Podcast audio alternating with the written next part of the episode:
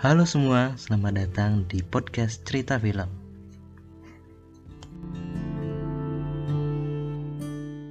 Girl From Nowhere episode ke-9. Di episode ke-9 ini menceritakan sebuah sekolah yang tiba-tiba kedatangan narapidana. Narapidana itu memburu anak murid di sekolah itu untuk dibunuh. Sebelum itu gue perkenalkan dulu beberapa pemeran penting di alur cerita ini. Yang pertama namanya Koh. Koh ini merupakan murid yang pembangkang Lalu ada seorang guru dan anaknya Lalu ada Keo, Sur, dan pacarnya Terus ada beberapa murid lagi dan yang terakhir tentu aja cewek kesayangan kita semua yaitu Nano. Singkat cerita, mereka semua sembunyi di sebuah kelas. Guna untuk menghindari narapidana itu, mereka menutup pintu kelas itu menggunakan kursi dan meja yang ada di situ. Awal-awalnya Siko nggak percaya kalau di sekolah itu ada pembunuh. Namun ketika dia mau keluar dari kelas itu, tiba-tiba ada pengumuman dari kepala sekolah. Dan pengumuman itu membuat Chico percaya kalau di luar ada pembunuh. Di waktu yang berbeda, ketika mereka lagi berkumpul, di luar kelas terdengar suara langkah kaki orang. Lalu tiba-tiba pintu kelas itu digedor oleh salah seorang murid yang pengen masuk ke kelas itu. Ketika mereka mau menolong murid itu, tiba-tiba guru yang tadi melarang mereka untuk membuka pintunya. Hal itu membuat keributan antara guru itu dan murid yang ada di situ.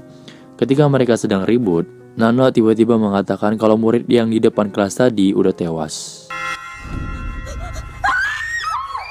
Lalu mereka pun menyalahkan si guru yang tadi. Tapi tetap aja, guru itu malah membela diri dia sendiri. Sampai pada akhirnya, Ko dan guru itu berantem. Di waktu yang sama, ketika mereka lagi berantem, Nano menyarankan mereka semua untuk mengambil senjata agar bisa berjaga-jaga. Mereka semua pun mendengar kata-kata si Nano. Lalu ketika mereka semua sedang mencari alat, cuma Ko yang gak dapetin alat. Dan tiba-tiba pacarnya si Sur memberikan si Ko alat untuk berjaga-jaga. Di sinilah awal mula munculnya kecemburuan si Sur. Karena dia curiga kenapa si pacarnya ini terlalu baik sama si Ko. Malam pun telah tiba. Mereka semua mulai kelelahan menunggu narapidana itu. Lalu Ko memberi mereka saran untuk lari. Namun mereka semua malah menyuruh si Ko lari duluan termasuk si guru kampret tadi. Guru itu malah mempengaruhi murid-murid lain untuk menyuruh si Ko agar si Ko bisa pergi dari ruangan kelas itu dan meminta bantuan. Ya bisa dibilang si Ko ini dijadikan tumbal lah. Tapi di sini cuma satu murid yang gak setuju kalau si Ko pergi, yaitu pacarnya Sisur. Hal ini membuat Sisur makin curiga dengan pacarnya. Dan jika cerita, akhirnya Siko pun terpaksa pergi keluar kelas. Ketika dia udah buka pintu, Siko kaget banget lihat mayat murid yang ada di depan pintu tadi udah hilang. Namun mereka masih aja menyuruh Siko untuk pergi. Hal itu membuat Siko kesal lalu terpaksa keluar dari kelas itu. Tapi kali ini dia menyuruh si Keo untuk membukakan pintu. Lalu Koh pun tiba-tiba menolak si Keo sehingga Keo pun berada di luar kelas sendirian. Itu membuat si Koh makin disudutkan oleh mereka semua. Singkat cerita karena keegoisan mereka yang menyuruh si Ko untuk tetap pergi, Ko akhirnya pergi juga keluar kelas itu. Namun mereka ragu kalau si Ko ini nolongin mereka atau enggak. Lalu tiba-tiba pacarnya si Sur kembali membela si Ko. Sampai-sampai pacarnya si Sur ini menelpon si Ko untuk memastikan kepada mereka. Dan hal inilah yang membuat si Sur makin cemburu dan marah. Lalu si Sur pun keluar dari kelas itu juga yang beralasan kan dia mau keluar pergi kencing. Terus si guru yang tadi juga terpaksa keluar kelas karena takut ketika si Ko dapat bantuan, dia akan mengadukan si guru itu karena membiarkan anak murid tewas yang ada di awal film tadi. Ketika para laki yang ada di kelas itu udah keluar semua dan tersisa beberapa orang lagi, lalu Nano tiba-tiba malah ketawa. Hal itu membuat mereka semua takut, lalu menuduh si Nano sebagai narapidana itu. Namun anaknya si guru tadi membela si Nano Anak itu mengatakan gak mungkin si Nana pembunuhnya, sedangkan si Nana dari tadi ada bersama mereka. น้องแตงฉลาดพวกเธอสามคนโรงเรียนไหม Pacarnya si Sur tiba-tiba pengen menyamankan si Ko yang ada di luar.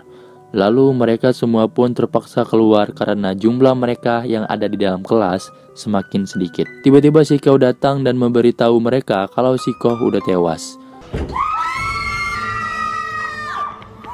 Terus disusul dengan datang si Sur dan guru tadi. Lalu tiba-tiba TV hidup sendiri yang menyiarkan berita kalau narapidana itu udah ketangkap dari siang yang lalu. Dan ditangkapnya itu sebelum kejadian murid tewas yang ada di awal film tadi. Lalu tiba-tiba murid yang tewas tadi datang dalam keadaan normal.